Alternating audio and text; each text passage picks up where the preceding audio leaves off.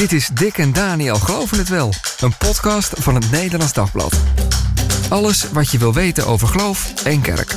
Met elke week interessante gasten en altijd Dick Schinkelshoek en Daniel Gillissen. Hoi, leuk dat je luistert. De oorlog in Gaza is nu ruim drie maanden aan de gang. Vele duizenden burgers zijn bij het grondoffensief van Israël tegen Hamas om het leven gekomen. De inval volgde na een terreuraanslag van Hamas op 7 oktober, waar 1200 Israëli's werden gedood en zo'n 240 werden gekidnapt. Ja, en ik vind die eindeloze oorlog in Gaza sindsdien wel een lastige worden hoor, Daniel. Uh, gevoelsmatig heb ik altijd net iets meer affiniteit gehad met Israël. Ik weet niet of je dat uh, herkent. Komt ook door mijn achtergrond, denk ik. Zeker. Ja. De staat van het volk van God en zo. De veilige plek die Joden blijkbaar nodig hebben om in deze wereld te kunnen, te kunnen overleven. Uh, ook de eerste liberale democratie in het Midden-Oosten. De enige plek zo ongeveer waar je je ook als homo bijvoorbeeld veilig en thuis kunt, kunt voelen. En ja, nu geef ik ook wel toe dat die bezette gebieden en de nederzettingen, de checkpoints met alle vernederingen, dat dat ook niet, dat dat voelt ook al niet heel lekker. Maar als je nu ziet hoe alles verwoestend Israël in Gaza bezig is. Kijk, het, het is gruwelijk hè, wat, wat Hamas gedaan heeft, maar dit is ook gruwelijk.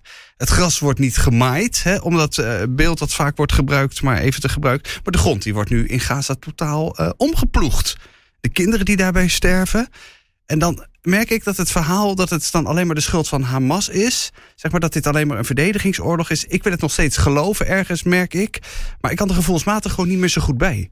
Nou, dan moeten we het daar inderdaad uh, over hebben, Dick. De vraag is dan ook: moeten christenen door de Gaza-oorlog anders naar Hamas uh, of naar Israël gaan kijken?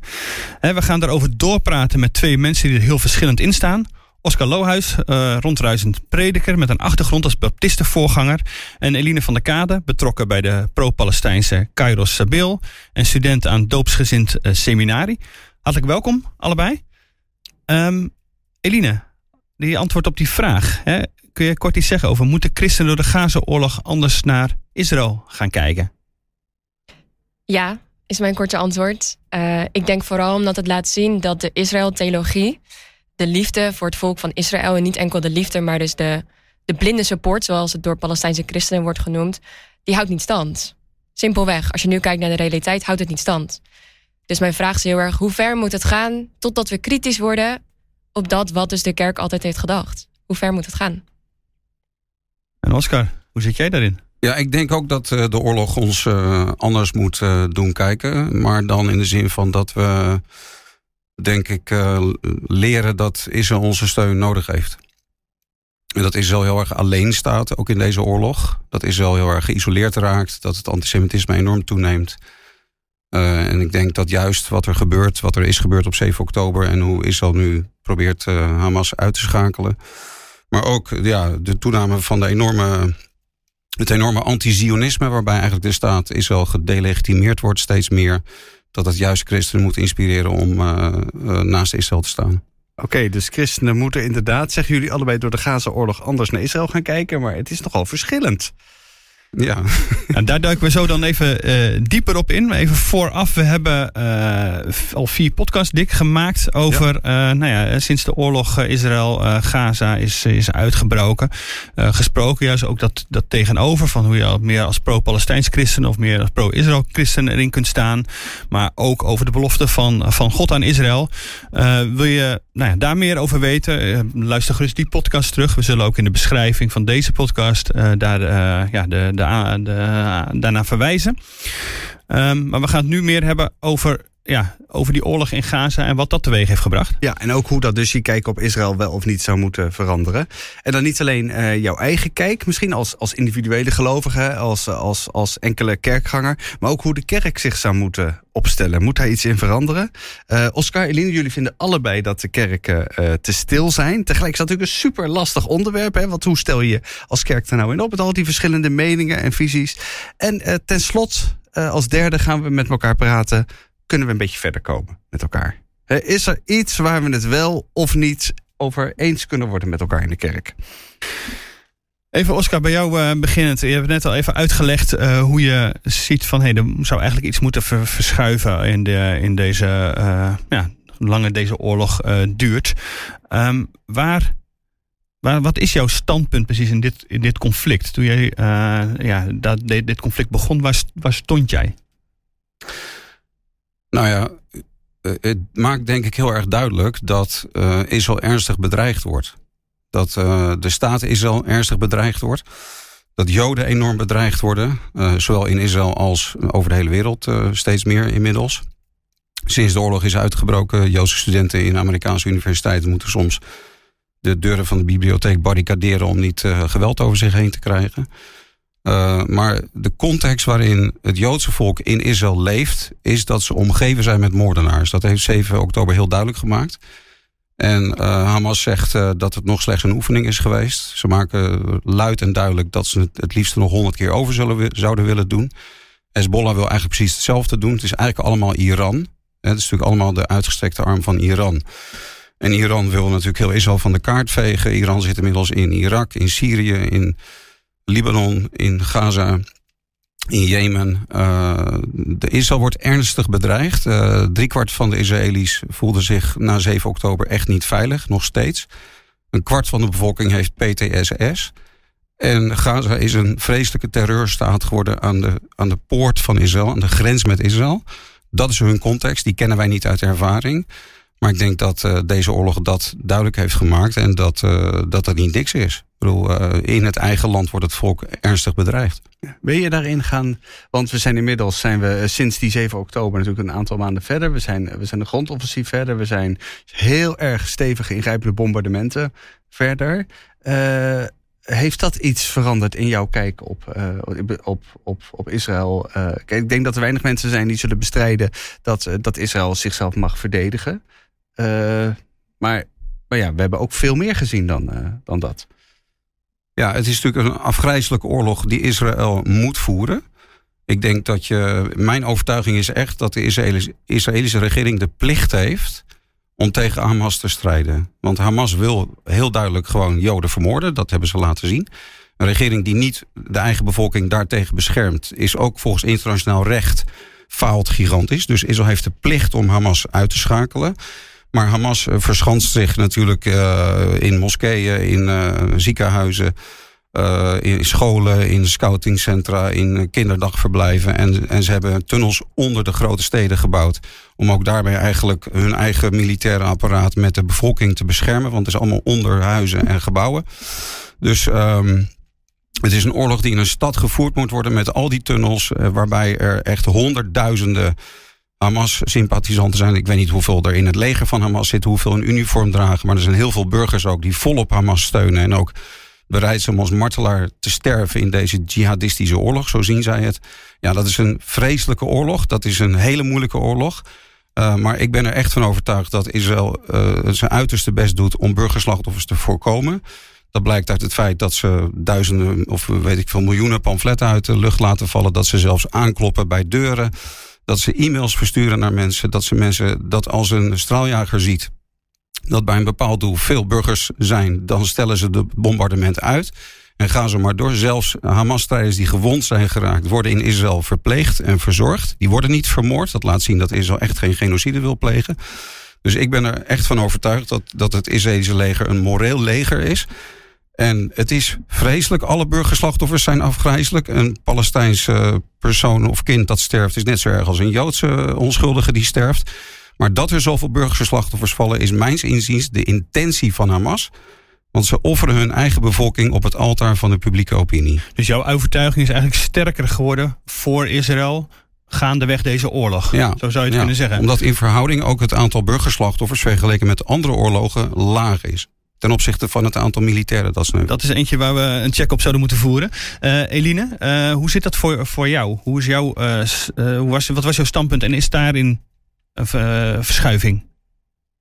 Ja, ik denk dat ik heel veel heb geleerd de afgelopen maanden. En dat is ook aan een sneltreinvaart gegaan. Want opeens, ik was er wel mee bezig. Ik raakte betrokken bij Keidel Sabiel. vorig jaar stond ik met een stand-up opwekking, het christelijke festival. En daar kwam ik er eigenlijk voor het eerst achter hoe dit christenzionisme, de ideologie daarvan, zo geworteld zit in christelijk Nederland, maar ook wat voor, men, wat voor ideeën daarbij komen kijken. Hmm. En dat ik dat echt lastig vond. Ik vond het pijnlijk ook hoe wij als christenen het oké vinden dat mensen sterven überhaupt. Waarom is er geen andere oplossing? Um, na 7 oktober is dit natuurlijk, zoals ik zei, een sneltreinvaart gegaan. Opeens moet je nog meer vinden, nog meer denken. Hoe heb jij 7 oktober zelf beleefd? Ik vond het echt ingewikkeld. Ik vond het zo erg. En tegelijkertijd denk je ook gelijk, maar wat gaat er nu gebeuren? Er komt een reactie. Wat voor reactie komt er? Ik weet nog dat ik heel erg dacht, dit is zo dom, dit is zo dom, dit is zo dom. Waarom doen ze dit? Ik snapte het echt niet. Um, en waarom zoveel onschuldige slachtoffers? Het moet toch wat anders zijn? Het is zoveel wanhoop zit erin. Zit er wanhoop in of zit er de, ja, de moorddadige uh, ideologie achter, zoals uh, Oscar zegt? Ik denk dat dat vaak voortkomt uit wanhoop. Ik, ik, de manier waarop het gebeurt is echt verschrikkelijk. Um, en ik denk dat we ons vooral moeten inzetten om die hele cirkel van geweld te gaan stoppen. Dus als wij zeggen dat de enige oplossing is om dan maar ja, burgerslachtoffers, ja, het is erg, maar het moet. 25, meer dan 25.000 mensen. Ik, wanneer houdt het op? Uh, en ook dat hele radicaal dualisme wat erbij komt, dat vind ik heel schadelijk. Uh, wat bedoel je daarmee? Het hele uh, achter de staat Israël, het volk van Israël, daar zit de geest van God achter. En mensen die daartegen zijn, daar zit dan de, de geest van de duivel achter. Ik vind dat heel gevaarlijk, omdat het elke kritiek die wel op de staat van Israël komt, uh, op de politieke staat van Israël, dus niet op de Joden, niet op de Israëliërs, mensen die samen willen leven, die wordt gelijk in een, in een hoek gedrukt van, van ja, ik weet niet, het is dat radicale idealisme, het is dat het bijna duivels is, dat je bijna het, het plan van God in de weg staat. Ik wil zo meteen wel even weten hoe Oscar daarnaar kijkt. Maar eerst, uh, Eline, waar ik nog wel wat ik me dan wel even afvraag, we zijn, we zijn nu een aantal maanden verder. Ik hoor Oscar ook zeggen, ja weet je, het kan eigenlijk niet anders. Natuurlijk zijn die burgerslachtoffers vreselijk, maar Hamas heeft zich zo verweven met die burgerbevolking, zich zo in die hele infrastructuur van Gaza, van de Gazastrook. Uh, het is onontkoombaar. En je kunt toch niet, je kunt toch niet zo'n zo'n zo'n zo'n organisatie als Hamas laten zitten. Hoe kijk, jij, hoe kijk jij daarnaar? Is het ook onontkoombaar? Uh, onontkoombaar om dit te doen, denk ik niet, nee. Uh, ik denk dat onze kennis van wat er nu gebeurt heel beperkt is. Er zijn heel weinig journalisten nog maar in Gaza, in heel Palestina. Zoveel journalisten zijn vermoord, weggehaald. Er komt heel weinig naar buiten. Heel veel internet is afgesloten. Dus we weten niet precies wat er de hele gebeurt. Uh, ik heb zelf nog niet heel veel gezien over, over die tunnels, over de dingen die in ziekenhuizen liggen. En daarbij vraag ik me nog gewoon echt altijd af: moet je dan het hele ziekenhuis bombarderen? Moet je dan iedereen eruit halen? En ook dat hele idee van we laten pamfletten uit de lucht vallen, zodat mensen weg kunnen. Ja, ik. Ja, lief, dankjewel. Maar ja, waar ga je heen? Je kan nergens heen. Dus eerst moesten mensen naar het zuiden. Nu wordt het zuiden ook gebombardeerd. Dus er is geen keus. Je zit gevangen. In inderdaad een plek wat gewoon zo dicht bevolkt is. Maar dat zou moeten uh, zorgen dat je het dus niet gaat doen. En niet, ja, dan, dan, ja, dan moet het maar. Um, en ook dat hele idee dat alle Palestijnen daar schuldig aan zijn. Of dat, dat collectief straffen. Uh, ik denk dat dat heel onmenselijk is. Um, niet eerlijk is ook. Um, hetzelfde dus als je heel Israël verantwoordelijk stelt voor wat er nu gebeurt. Dat vind ik ook heel schadelijk. Uh, of alle Joden schuldig stelt uh, daaraan. wat, uh, wat, Oscar net zei over dat, dat, dat Joodse studenten bijvoorbeeld in Amerika zich bedreigd voelen. Ja. Niet alleen daar trouwens, maar... Ja, maar daarbij wil ik wel zeggen dat... ik zit zelf natuurlijk een beetje in die Palestina-beweging... dat er in de groepen die ik ken heel erg wordt opgelet... dat Joden niet schuldig worden gemaakt hieraan. Um, en in hoe de Palestina-beweging... of mensen die daarvoor opkomen worden neergezet... Uh, in het nieuws bijvoorbeeld, of bij sommige, bijvoorbeeld op een website van Christen voor Israël, heel erg dat ze willen alle Joden weg hebben, ze willen heel Israël weg hebben. Dat is gewoon niet zo. Dus als je dus mensen op die manier presenteert, um, dan beïnvloedt dat ook het hele beeld ervan. Um, terwijl ja, dat, dat graven worden opengemaakt, dat er monumenten worden beklad. Ja, ik, ik, snap het ook niet. Maar er zijn een paar vreemde eenden in de, bij, vreemde eenden in de bijt, om het maar zo te zeggen. Eh, die ik heel graag wil aanspreken als ik weet wie dat zijn. Omdat het echt ons totaal niet verder helpt. Nee. Nou, Oscar, dus er zijn een paar dingen die nu worden gezegd. Dat, dat, uh, ik ben wel benieuwd hoe jij kijkt naar wat Eline zegt over dat, over dat dualisme. Uh, van, wat is het, als je voor Israël bent, dan sta je achter God. En als je tegen Israël bent, dan, uh, dan niet, zeg maar. Uh, ja, en, ehm, en ook, het zijn vreemde eend in de bijt. En dat zou eigenlijk helemaal niet moeten. We kunnen, eh, we zitten met die mensen die, die, die Joden bedreigen. het gaat eigenlijk om de zaak, de zaak voor... Voor, nou, voor, ja. voor, voor, voor Palestina, voor een rechtvaardige ja. En het verschil tussen dus de staat Israël en alle Israëliërs daarin. Alle mensen die er wonen. Mm. Ja, het dualisme zoals jij het beschrijft, dat uh, onderschrijf ik ook niet. Het idee dat, uh, dat alles wat de staat Israël doet, dat dat van God is. En alles wat uh, Palestijnen doen, dat dat van de duivel is. Dat vind ik heel erg kort door de bocht. Um, ik denk dat wij geloven dat Gods geest natuurlijk vooral wordt uitgestort over degenen die in Jezus geloven. En er zijn Joden die in Jezus geloven en er zijn Arabieren die in Jezus geloven. Uh, ik geloof wel dat de Heere God met het Joodse volk nog steeds zijn verbonden heeft. En dat God bijzondere plannen heeft met het volk van Israël en ook met het land van Israël ten aanzien van wat de Bijbel zegt over de toekomst. Maar uh, dat alles wat de staat Israël doet en, en dat we dat allemaal klakkeloos als van God moeten uh, bestempelen en alles wat Palestijnen doen van de duivel, dat is helemaal een lezing die ik helemaal niet volg. Zie je het wel uh, gebeuren trouwens? Bij, in de pro, nou, eigenlijk vind ik dat er heel veel kritiek op Israël is, zowel in Israël als wereldwijd. Ook onder christenen, en dat mag en dat kan. Maar in, in Gaza kan dat natuurlijk helemaal niet. Nee, maar er is in... heel veel kritiek. En, en uh, er is geen land in het Midden-Oosten waar zoveel demonstraties zijn. Waar zoveel vrijheid van meningsuiting is. Waar zo, waar zo hard in het parlement gesproken wordt. Wie stem, waar ieder stem gehoord wordt. Het is een democratie, hè? Staat Israël, dat, dat is volop aanwezig. Het is een democratie, zei Dick al. Dus dat is inderdaad. En dat, dat uh, wordt natuurlijk ook onderschreven. Maar als je dus ziet in de wat, uh, nou ja, zeg het toch maar even, pro-Israël groepen onder christenen. Zie je daar dat dualisme, zoals net beschreven af en toe uh, wel oppoppen. Zo van, wij moeten gewoon radicaal achter Israël staan, ook achter de staat. Nou, want dat, zo, dat nou ja, in van wezen, ons. In principe wel, ja. Dat, dat is ook mijn eigen mening. Ik vind dat bij mij echt geïnspireerd gewoon vanuit wat de Bijbel zegt over het volk van Israël. Uh, dat, wij, dat het goed is dat wij voor de verandering, nu eindelijk na 2000 jaar christendom, eens een keertje christenen zijn die niet uh, het Joodse volk demoniseren en die niet het Joodse volk alleen laten staan. Maar die gewoon vrienden zijn van het Joodse volk. En dat we zeggen, ja, weet je, hoe dan ook, we zijn het niet met alles met jullie eens. Uh, natuurlijk worden er fouten gemaakt, iedereen maakt fouten en uh, niks is perfect. Maar in principe geloven wij dat jullie een bijzonder volk zijn in Gods plan met deze wereld. En dat zien wij. We hebben veel aan jullie te danken. We hebben van jullie de Bijbel gekregen en de Heer Jezus hebben we gekregen door jullie. Uh, wij hebben iets bijzonders met jullie en dus willen we jullie vriend zijn zonder over alles een mening te hebben. Een goede dat, vriend zegt dat in principe wel. Een goede vriend zegt ook de waarheid, toch? Want dit, ja, je gaat zeker. nu echt wel te ver, zeg maar. Ja, ja maar zou je kunnen dat, zeggen, denk je. Ja, maar dat gebeurt ook en dat mm. mag ook en dat kan ook. Ja. Maar oké, okay, maar gaat, uh, gaat uh, goede vriend Israël nu niet gewoon te ver? in deze Gaza-oorlog. Ja, ik bedoel, uh, ik hoor jou zeggen, ja, het kan niet anders, want Hamas zit helemaal verweven met de burgerbevolking. Ik hoor Eline zeggen, ja, maar ze kunnen nergens heen en het lijkt in de, veel meer op collectief straffen dan op, uh, ja, uh, nou, wat, wat, is het? Een, een, een verdedigingsoorlog die alleen maar erop gericht is om een, om, een, om een terreurgroep uit te schakelen? Ja, ik geloof niet in collectief straffen. Ik geloof niet dat Israël dat doet. Israël richt zich, richt zich op Hamas-strijders en Hamas-leiders. En Israël is bezig om te voorkomen dat er nog 17 jaar komen... waarin de raketten vanuit de Gazastrook op Israël worden afgevuurd. Het gaat niet om wat er op 7 oktober is gebeurd. Het is de druppel die de emmer heeft doen overlopen 7 oktober. Maar vanaf 2007 is Hamas aan de macht... en elke zoveel uh, maanden of jaren is er weer een raketregen tot en met op Israël afgevuurd... En Hamas heeft van de Gazastrook één grote uitvalbasis gemaakt om Israël uh, te vernietigen en zoveel mogelijk Joden te gaan doden. En tunnels te graven Israël in om daar ook uh, Joden te kidnappen en zo. En Israël zegt nu gewoon: aan dat soort uh, praktijken moet een einde komen. Maar het collectieve straf van de hele bevolking is niet wat Israël wil. Dat willen zij niet. natuurlijk is die, zijn die het feit dat hoe ze moeten verkassen. Hoe natuurlijk... weet je dat? Want ik kan me ook voorstellen dat er heel veel woede is. En we gaan ze nu gewoon pakken en we zijn het zat. En we... Kost je denkt toch niet dat het, het Israëlische leger daar naar binnen gaat om zoveel mogelijk Palestijnen te doden?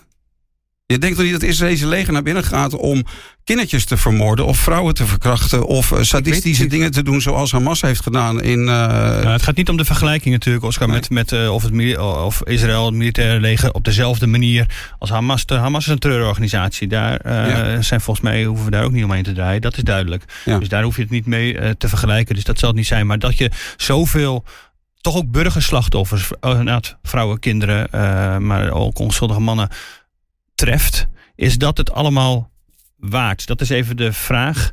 Ja. Van, gaat dat op een gegeven moment niet te ver? Nee, maar kijk, ja, er wordt nu gesproken over 25.000 slachtoffers. Maar ten eerste, die cijfers komen van Hamas. Dat er geen journalisten zijn, komt niet door Israël, maar komt door Hamas natuurlijk. Israël en dat er oorlog is, hè? Ik bedoel, uh, dat is. Uh, de cijfers komen van Hamas. De vraag is of die cijfers betrouwbaar zijn, want we weten wat Hamas wil met Israël. En dus cijfers naar buiten brengen die Israël in een kwaad daglicht stellen, is natuurlijk iets wat ze ook zouden kunnen doen. In de tweede plaats wordt er helemaal geen onderscheid gemaakt bij die 25.000 tussen burgerslachtoffers en Hamas-strijders. En Israël zegt zelf dat ze tussen de 9 en de 10.000 Hamas-strijders hebben uitgeschakeld inmiddels in deze oorlog. Wat een kwart is van het aantal Hamas-strijders waarvan ze zeggen dat zijn echte Mhm. militanten van Hamas. Dat zijn dus combatants, dat zijn strijders in de oorlog. Dus dan heb je het over 15.000 slachtoffers uh, onder de burgerbevolking. Dus er was geloof ik anderhalf week geleden een demonstratie uh, op de Dam in Amsterdam met al die schoentjes. Al die schoentjes van kinderen. En toen werd er ronduit gezegd dat er al 10.000 kinderen zijn gestorven in de Gazastrook. Dat kan echt niet. Dat, is, dat kan niet dat dat is gebeurd. Er werd gezegd dat er elke zoveel seconden een kind door Israël wordt gedood in de Gazastrook. Dat klopt echt niet. Dat gaat er bij mij niet in. Ik volg het nee, maar goed, elke het gaat dag. Maar, dus... kijk, het gaat maar even niet om precies om de getallen of er nou 10.000 zijn of 5.000 of het er maar 100 zijn. Het Ja. zijn er 100 te veel dan, hoe dan ook. Toch? Ja, maar het is niet te voorkomen. Saudi-Arabië en andere uh, Soenitische machten hebben da- vanaf 2015 in Jemen een oorlog gevoerd. Ja, maar het kan toch, je kunt toch zeggen, zeg maar, het is sowieso te veel. Het is, Ja. Eigenlijk willen we elk, inderdaad, elk burgerslachtoffer is er één te veel. Ja. En hoe dan ook, Ja. doe je vreselijk uiterste best om dat te voorkomen, zeg maar. Dat is op zich toch geen, Absoluut. al doet de andere nog zo gek, eh, zorg zelf dat het zo zuiver mogelijk maar, gedaan eh, wordt. Ik ben er echt van overtuigd dat Israël dat ook doet. Ja. In de oorlog in Jemen zijn 150.000 slachtoffers gevallen. Waaronder waarschijnlijk 80.000 tot 90.000 burgerslachtoffers. Toen waren er totaal geen protesten in, in, van de Arabieren of moslims in, in Europa. En ook niet van christenen. Dat, er zijn geen protesten gekomen op al die burgerslachtoffers. Terwijl er veel meer vielen dan nu in deze oorlog al zijn gevallen. Toen ik wel eens even naar Eline. We moeten gewoon als christenen. eh, misschien als de Tweede Wereldoorlog iets heeft duidelijk gemaakt. We moeten gewoon vierkant achter Israël staan. We moeten een vriend van Israël zijn. De Joden worden bedreigd in de wereld. Ik denk dat het heel duidelijk maakt dat wij als christenen moeten kijken naar onze antisemitische geschiedenis. Wat we echt hebben. De, en hoe wij neigen naar een bepaald antisemitisme als christenen snel. Maar ik vind die hele eh, gelijkstelling van de staat Israël. Het is officieel een seculiere Joodse staat. En maar er zijn heel veel Joden die ook zich uitspreken tegen de staat Israël. En die stemmen worden allemaal gelijk teniet verklaard of zeggen mond doodgemaakt. eh, omdat ze dan niet echt, echt Jood zouden zijn. Uh, dus ik denk dat dat veel gecompliceerder in elkaar zit dan dat hele uh, antisionisme is antisemitisme bijvoorbeeld. Nee, ik steek tegen de onderdrukking die voor 7 oktober lang is begonnen. En zit, ik denk dat er genoeg andere mensen zijn, uh, genoeg andere podcasts die daar heel diep op zijn hmm. ingegaan. 75 jaar onderdrukking van Palestijnen, elke dag vernederd worden bij checkpoints. Um, dit gaat veel dieper de pijn gaat veel dieper, de trauma gaat veel dieper. En de trauma van de holocaust en de trauma van de Nakba. Ik denk dat het heel belangrijk is om uh, dat allebei in overweging te nemen. Maar ik vind überhaupt die vergelijking dus dat uh, elke kritiek op de staat Israël is een kritiek op Joden. Daar sta ik niet achter. Ik denk dat dat een hele simpele vergelijking is. Uh, daarbij... Maar nu hoor ik dat laatste Oscar ook niet, ook niet zeggen. Oscar zegt, er is heel veel kritiek op de staat Israël uh, mogelijk. Alleen, uh, nu, nu vul ik me maar even enorm in wat jij net hebt gezegd. Uh, maar wat, wat, wat opvalt is dat het juist dat Israël heel erg alleen staat. Dat er zoveel kritiek is op Israël dat ze nauwelijks iets kunnen doen. En dat maar de vraag is hoe rechtvaardig dat is. Want kijk naar wat Saudi-Arabië in Jemen doet, bijvoorbeeld. Ja, maar ik denk dat kritiek op bijvoorbeeld Saudi-Arabië haalt niet weg dat je nu dan geen kritiek kan hebben op Israël. ja, ik denk dat die kritiek op de staat Israël, uh, die was er heel veel, ook voor 7 oktober. Uh, zoals Oscar ook aangaf, er waren heel veel protesten in Israël. Nog steeds, zoals ik net zei. Heel veel Israëliërs ja. die ook opstaan mm -hmm. en zeggen... dit is niet goed voor de gijzelaars, die moeten terug. Dus stop. um, maar wat ik wel zie uh, bij christenen die heel erg achter Israël staan... dus christenzionisme, zoals we dat noemen... Um, dat daar zo weinig kritiek nu mogelijk is op wat er nu gebeurt. Dus dat hele, er is niks anders mogelijk dan dat ze nu moeten aanvallen. Het hele IDF, het hele Israëlische leger is een heel moreel leger. Als ik gewoon kijk naar wat er nu gebeurt, het houdt gewoon niet. Dan denk ik? Het houdt gewoon niet stand.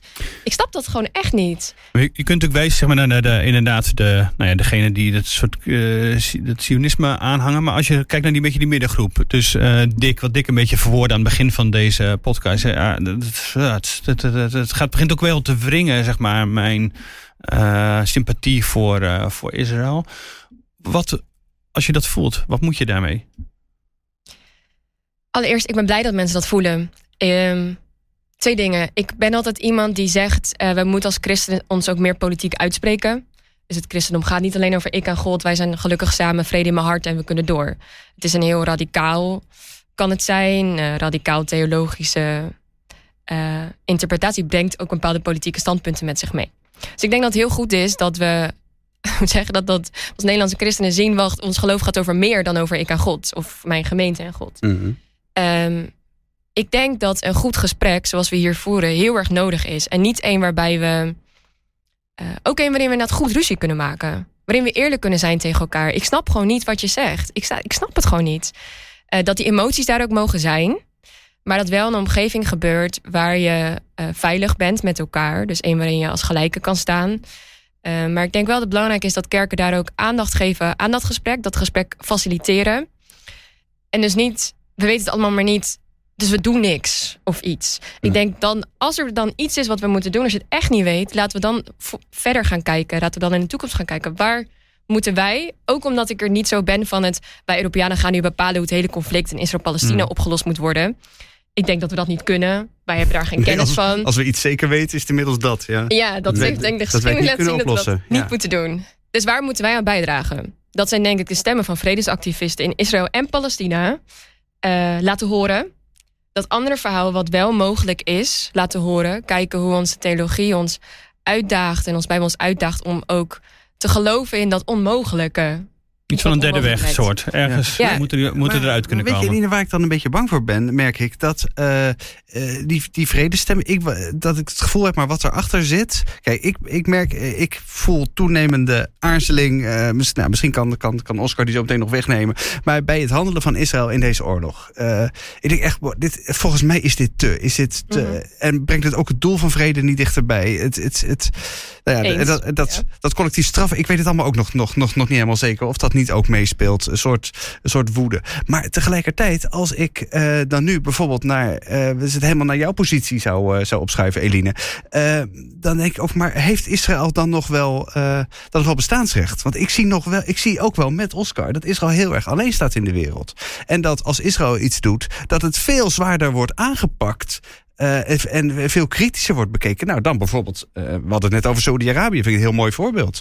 Uh, dat er echt wel hele ongelijke maatstaven zijn. En dat antisemitisme ook echt een probleem is. Daardoor aarzel ik, zeg maar, om, om, nou ja, om jouw kant op te gaan, zeg maar. Hoe, hoe, hoe kijk jij daar tegenaan?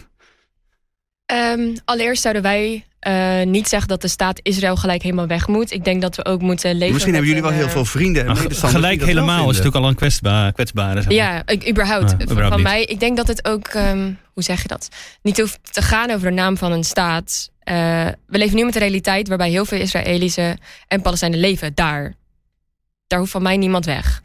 Um, om dat allereerst duidelijk te maken. Die mensen, we moeten stimuleren dat mensen elkaar leren kennen. Wat denk ik heel veel gebeurt. Dat ze elkaar leren kennen en zien, wacht, misschien lijken we meer op elkaar. We hebben zulke vijandelijke beelden van elkaar die niet kloppen. Mhm. Mm -hmm. um, ik denk dat dat ja, heel belangrijk is. heel veel. Ja, daar zijn zoveel mooie voorbeelden van. van de Arabische en Joodse Israëli's leven in vrede met elkaar. Ja, um, ik denk dat het wel, als je kijkt naar verzoening uh, of naar vrede daar komt altijd een bepaalde benoemen van de realiteit bij. Uh, dus ik denk dat onze kritiek op de staat Israël, dat die meer is dan bijvoorbeeld op andere staten, ook komt omdat we er zo bij in verweven zitten. Dat het christensionisme, wat vanuit Europa ook is gekomen, wij zijn zo betrokken uh, en deels verantwoordelijk voor wat er gebeurt, vind ik. Uh, ook over hoe we erover praten, de geldstromen die er naarheen gaan, de onderdelen van F-35 vliegtuigen die erheen gaan. Wij zijn erbij betrokken. Uh, dat zit veel dieper. Ik denk dat dat heel veel te maken heeft ook met islamofobie. Wat net zo ook toeneemt en erg is als antisemitisme.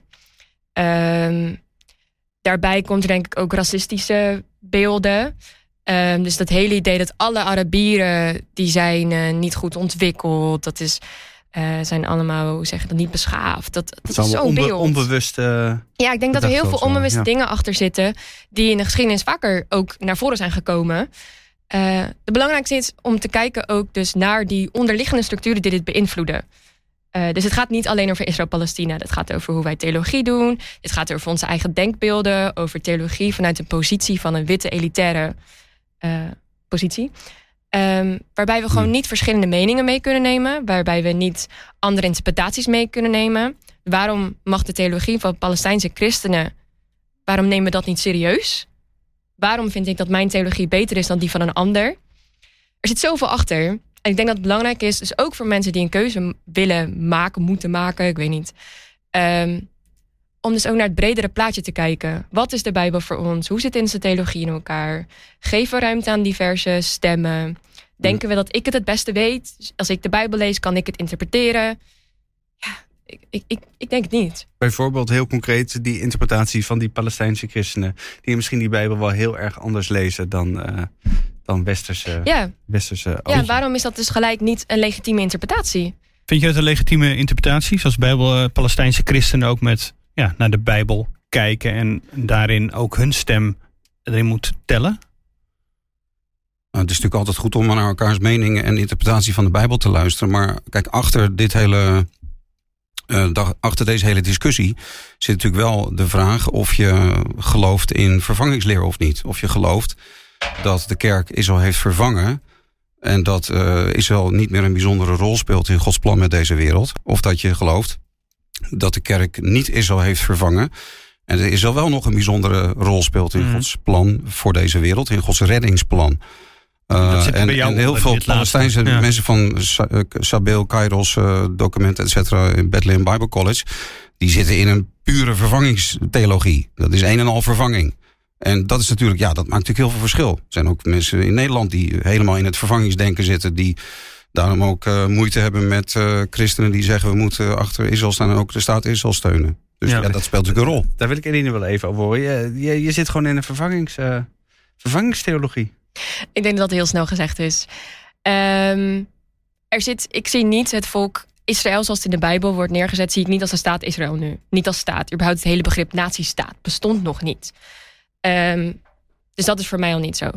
Ehm, ik denk dat daar veel meer achter zit. Een heel eh, theologie van land zit erachter. Een idee van, een idee van nazistaten. Ehm, ik denk dat het belangrijk is om dat te erkennen. Maar is God nog volgens jou bezig met een. eh, een- heeft, heeft God nog een speciaal plan met, met het Joodse volk? Ik denk net zoveel als met iedereen. Hm. Eh, dus het is niet een vervanging, het is een delen. Dus ik geloof dat God op die manier eh, er voor heel de wereld wil zijn. Dat Jezus redding voor heel de wereld is. Maar Je ontkent dus dat, dat Israël nog steeds uitverkoren volk van God is. Ja, ik denk dat wij daarbij zijn gekomen. Dus dat daar eh, uiteindelijk het plan is om dat we met elkaar mogen inzetten voor de herstel van heel de aarde. Dus, dus alle mensen zijn uitverkoren volk van God geworden. Ik vind het, de term uitverkoren altijd zo.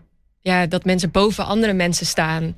Ik denk dat wij inderdaad heel Nee, dankbaar nee, nee, moeten zijn niet voor. dat we meer zijn, maar dat heeft met roeping te maken, denk ik. En, en gewoon uitverkiezing Verschillende tot een bepaalde taak, tot een Hmm. bepaalde rol die Israël speelt in de wereldgeschiedenis. Ja, wel in zegen als belofte, zeg maar. En, en, Ja. en, maar ook als verantwoordelijkheid. Want ook dat Ja. eh, komt er Ja, ook bij kijken. uitverkiezing is niet een voorrecht, maar het is een verantwoordelijkheid en, Ja. en een roeping.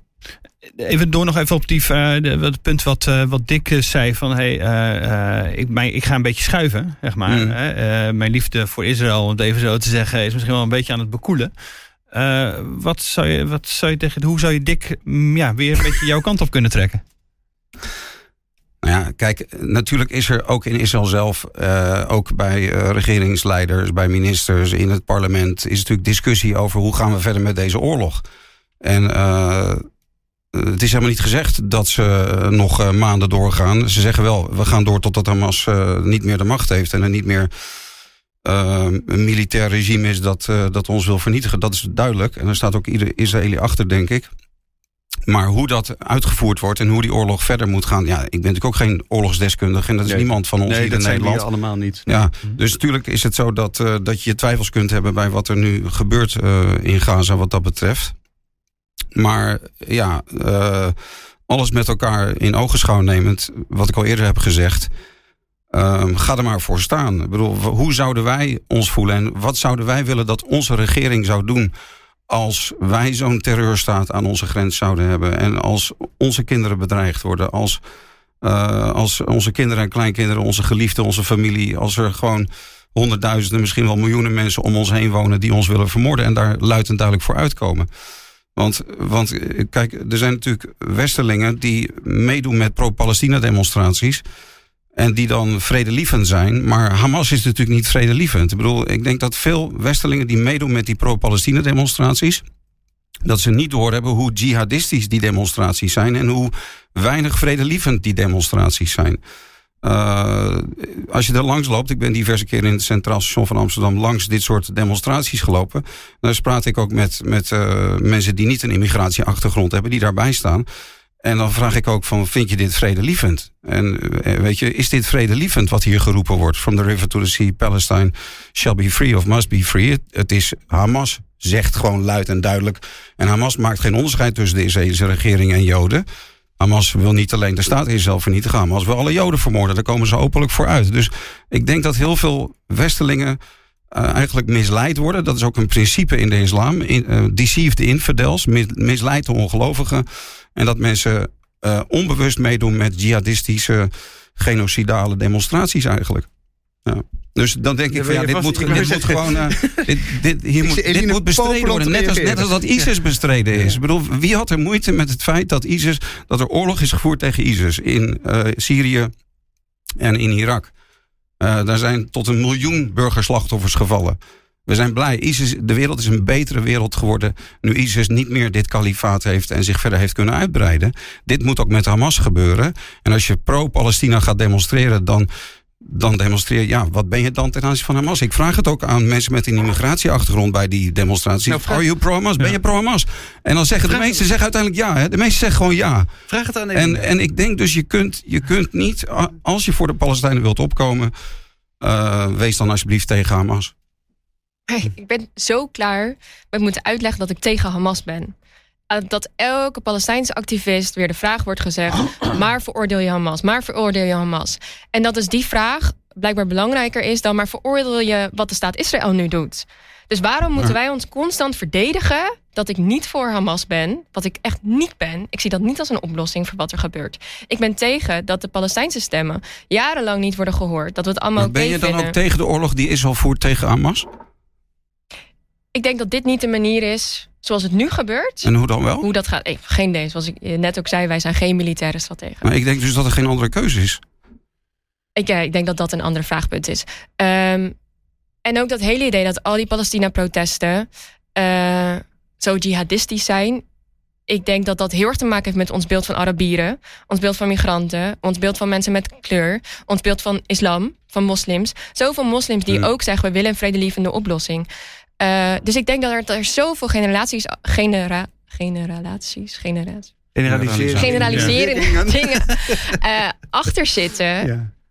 Die, ik gewoon echt. Ja, ik, ik snap dus, het niet. Dus wat, uh, wat, wat, wat Oscar zegt, je laat je eigenlijk bedoel. Uh, volgens mij bestrijdt Oscar niet dat jij heel vredelievend bent.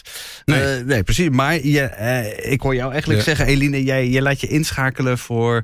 Wat is het in een beweging die helemaal niet zo vredelievend is? Ja. En, die, en die vindt het heel fijn dat jij wel vredelievend bent, maar je brengt hun zaak. Ja, ik denk dat het, uh, het probleem komt dat daarmee dus elke kritiek of alles, alle inhoud van wat wij zeggen, als ik mag uitpraten, uh, alle inhoud van wat wij zeggen wordt gelijk weggeschoven. Dus het gaat niet meer over de inhoud. Het gaat dan, het is gelijk, als je antisemitisch bent, ben je antisemitisch. Dus er wordt niet meer naar je geluisterd. Hetzelfde met Joden die opkomen uh, voor de Palestijnen en tegen de staat Israël. Dat er gelijk wordt gezegd, Um, of er was zo'n filmpje dat bij de International Court of Justice uh, ook Joden waren die bij het, het pro-Palestina-protest stonden, als je het zo wil zeggen. En er wordt gelijk gezegd: nee, dat zijn Joden die niet worden serieus genomen in de rest van de wereld. Daarmee maak je mensen gewoon monddood. Uh, dat is epistemisch gewoon onrechtvaardig dat iemand zijn eigen verhaal daar niet mag zijn. En ik vind dat we daarin dus meer naar elkaar moeten luisteren. En ook elkaar dus niet zo moeten wegzetten als, als zo'n zo dat radicale dualisme wat ik zei. Dat elk pro-Palestina-protest gelijk zo extreem is. Zo haatdragend. Ja. En daarbij mag ik nog één ding zeggen.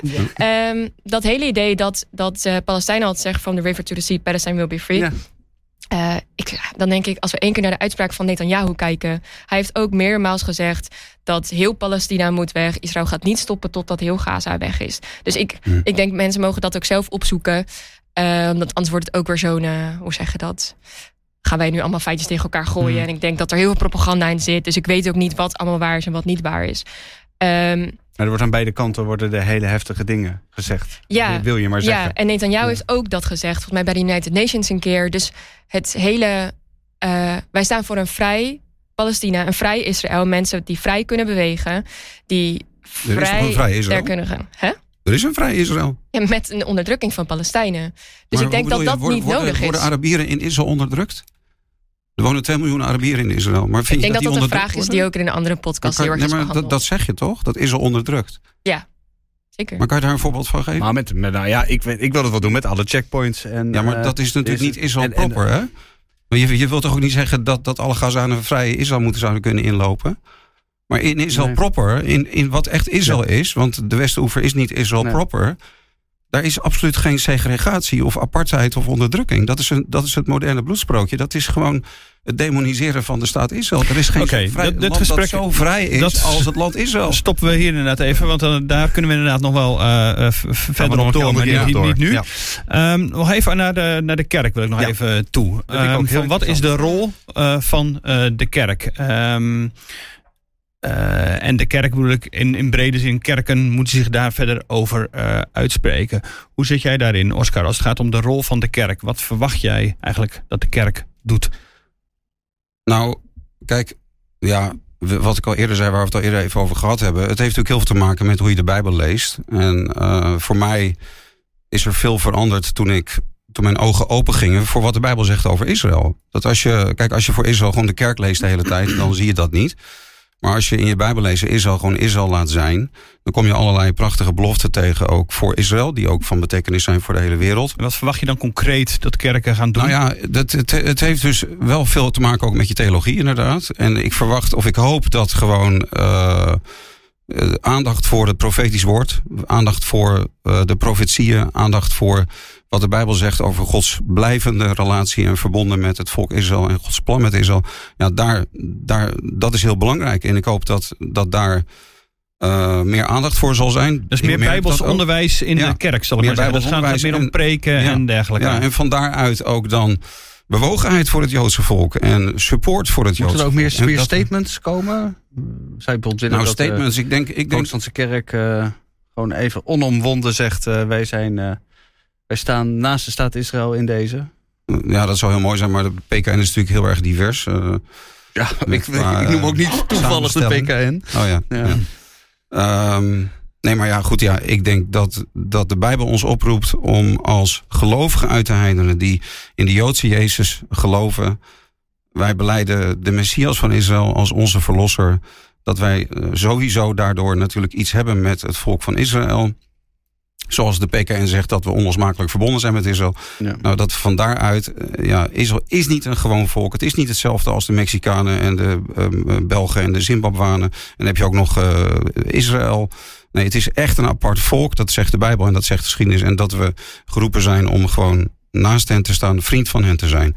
En er voor hen te zijn. In een tijd waarin zij opnieuw zo bedreigd worden. Ja. Ik denk dat we.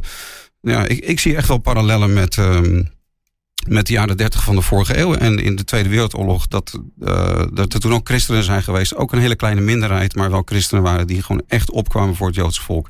En ik denk dat dat nu weer nodig is. En wat verwacht jij, Eline, van eh, de kerk? Je hebt ook eh, deze week aan de protestantse kerk een petitie overhandigd als eh Kairos Sabeel. Om te zeggen, hey, eh, kom eens even wat meer op voor de Palestijnen. Wat is jouw eh, idee daarover?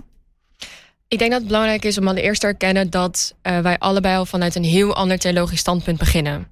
Ik zit veel meer in de bevrijdingstheologiehoek. Ik denk dat veel even in, ehm als er veel meer zit in een meer letterlijke interpretatie van de Bijbel. Dus ehm, ik start al veel meer vanuit dat één objectieve lezing van de Bijbel überhaupt er niet is. Dat er een verscheidenheid is. Ik vind dat het mooie aan de Bijbel. Eh, dus dat het op verschillende contexten iets anders kan betekenen. Dat eh, als ik kijk naar Jezus, dat nou, het beroemde voorbeeld van dat er een vrouw komt die overspel heeft gepleegd. De wet zegt, ze moet gestenigd worden. Dat hij kijkt naar de context, uh, ziet, maar er zit denk ik iets anders achter. Er zit een structuur achter. Wat maakt dat deze vrouw dit doet? Uh, wie is er nou schuldig hieraan? dus ik denk dat dat is belangrijk om eerst te zeggen dat wij daarin al compleet anders beginnen. Um, dan bij de kerk is het denk ik heel belangrijk om dit gesprek heel goed te voeren. Ja, ik vind dat de kerk zich uit moet spreken voor minimaal een staakt het vuren.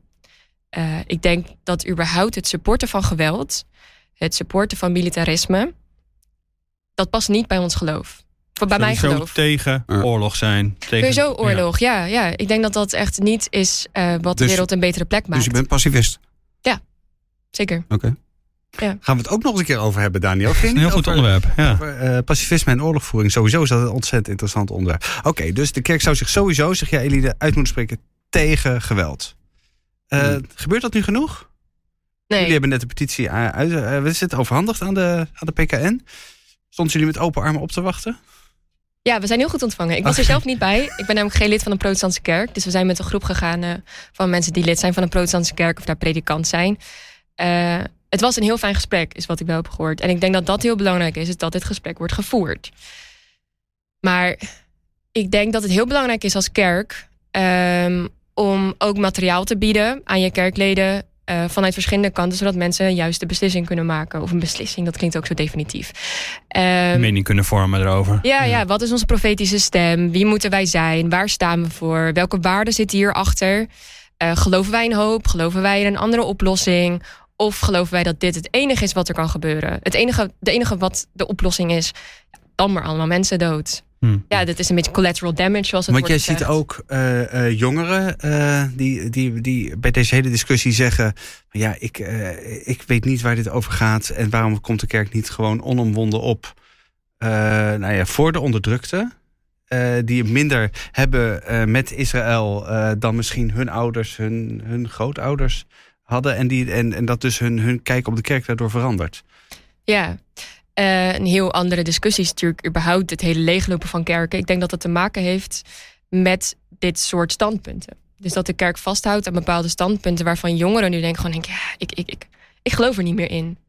Uh, dus ik ken voornamelijk jongeren die niet meer naar een kerk gaan actief, omdat ze gewoon niet eens zijn met wat er wordt gezegd en zeggen het klopt niet. En dat heeft te maken met um, en queer vraagstukken, met gendervraagstukken, met oorlog, met zoveel dingen heeft dat te maken.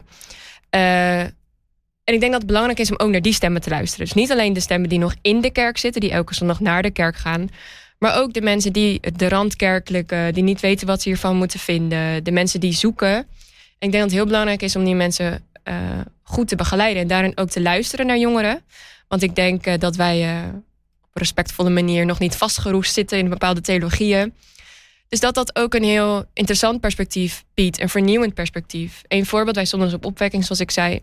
Er kwamen heel veel mensen, jongeren naar ons toe, van echt 14, 15. Die zeiden, oh, wat cool dat jullie hier staan. En wat vinden jullie van? En ja, mijn moeder heeft zo'n Israël-vlag. En ja, ja, ik heb allemaal moslima's in mijn klas. En die hebben een heel ander verhaal. Dus ik denk gewoon niet dat het zo stellig is. Ik krijg er hoop van. Dus dat gewoon jongeren zo simpel denken. Herken, ja, herken je dat, uh, Oscar? Uh, jongeren die zeggen: Mijn moeder heeft een Israël-vlag, maar ik maak dat allemaal niet meer mee. Um, ik denk wel dat er onder jongeren meer uh, kritiek is. En dat jongeren over dingen willen praten. En dat is helemaal prima. Ik ben het er helemaal mee eens wat Eline zegt. Dat we het gesprek moeten voeren met elkaar. En ik ben het ook helemaal met je eens dat we tegen onderdrukking moeten zijn. En uh, tegen uitbuiting en ga zo maar door. Uh, alleen wat waar ik je niet in volg, want je liet ook een beetje doorschemeren, hè, dat alsof als wanneer je Israël steunt, dat je een soort white supremacy uh, regering ondersteunt. Nou, dat klopt niet met de feiten. Want um, uh, het merendeel van de Joden die in Israël woont, heeft voorouders die uit de Arabische landen komen. of ze komen zelf uit Arabische landen. Bovendien komen ze uit meer dan 100 landen. Er zijn ook Indiase Joden, er zijn Chinese Joden, er zijn zwarte Ethiopische Joden. Ja. Het is helemaal niet waar dat de meerderheid van de Joden in Israël uit Europa komt. Uh, als, je, als je graag uh, iets van woke wil hebben, als je iets wil hebben van We willen gewoon dat er gelijke rechten zijn voor iedereen. En dat, uh, dat er geen discriminatie is op basis van huidskleur. En ga zo maar dat mensen niet onderdrukt worden. Dan kan je beter in Israël zijn dan in Gaza. Ik wil nog even één laatste uh, slotwoord zeg maar, hierover. Uh, ja, want het is duidelijk zeg maar, dat jullie elkaar nog niet direct vinden. Maar is er iets waar je, wat je gehoord hebt in het betoog van de ander waar je denkt... hey, dat is verrassend. Of dat zet me nog wel aan het denken. En, want dat kan ook helpen om elkaar nou ja, daarin uh, te zoeken? Um, nou ja, wat ik, wat ik net ook zei, van ik, ik waardeer natuurlijk je, uh, het opkomen voor uh, minderheden of voor mensen die onderdrukt worden. Um, als je zegt, ik zit in de bevrijdingstheologie, dan denk ik, ja, bevrijding inderdaad van systemisch kwaad, dat is wat we allemaal willen. En dat is, vind ik, een heel goed streven. Alleen de weg waar langs, daarin verschillen we van mening, ja. denk ik. Mm. Ja. Eline? Ja, ik denk dat die eerlijkheid die we denk ik allebei hier hebben, dat waardeer ik heel erg. Ik denk ook dat dit gesprek moet gevoerd worden waarbij je ook echt tegen elkaar kan zeggen, ja, maar wat dit dan? Maar en hoezo dit dan? Ik denk dat die gesprekken heel snel een beetje zacht worden gemaakt en dat wel als Nederlanders met onze directheid het wel kunnen hebben dat dat gesprek uh, wat pittiger wordt, zodat het ook duidelijker wordt wat er allemaal bij komt kijken. Um, ik denk dat het de ik vind het heel mooi dat het bepaald liefde is voor andere mensen, buiten onszelf, buiten jezelf. Dat is denk ik heel belangrijk. Um, ik denk dat er heel veel andere vraagstukken. Zijn heel veel dingen die ik wil zeggen, maar ik ga proberen het kort te houden. Um, ik denk dat het belangrijk is om te kijken naar verschillende stemmen. Dus je hebt bijvoorbeeld van Jewish Voice for Peace, een boek over antisemitisme, waar ook gepraat wordt over racisme in de oprichting van de staat Israël. Van uh, zwarte en Arabische Joden bijvoorbeeld. Uh, hoe onderdrukt die zijn in de hele oprichting van de staat van Israël. Ik denk dat daar een groot verhaal achter zit. Dat de Joden onderdrukt worden? Ja, ja. Um, dat is denk ik een heel uh, ander punt, maar dat wil ik even benoemen, omdat het net werd aangestipt dat dat niet zo simpel uh, is. Um, dus ik denk dat hele dat wij allebei zoeken naar hoe zit het nou en dat niet loslaat, ik denk dat dat heel mooi is. Nou, ik vind dat ook wel. Dan zetten we hier een punt, gewoon dik. En dan gaan we, nou ja, het zal vast geen punt zijn, want we gaan er ook nog wel weer over doorpraten. Want dit is de vijfde podcast, zoals ik al zei, die we hier over dit eh, thema maken. Uh, daar zullen we nog uh, vast nog wel andere volgen als de actualiteit daarom vraagt. We danken je hartelijk voor het luisteren. dank ook Oscar en Eline dat jullie hier waren. En dank voor jullie, ja, voor dit gesprek. Ja, en vind je het interessant wat we doen, uh, deze podcast? Overweeg dan eens een abonnement op het Nederlands Dagblad. Daarmee maak je ook mogelijk uh, dat wij deze podcast maken iedere week. Op nd.nl slash abonnement vind je alle mogelijkheden. Al vanaf 2,50 per week kun je dan alles lezen uh, wat we maken. En ja, je steunt dus ook daarmee deze podcast. Dus kijk daar eens even naar. Tot volgende week. Tot volgende week.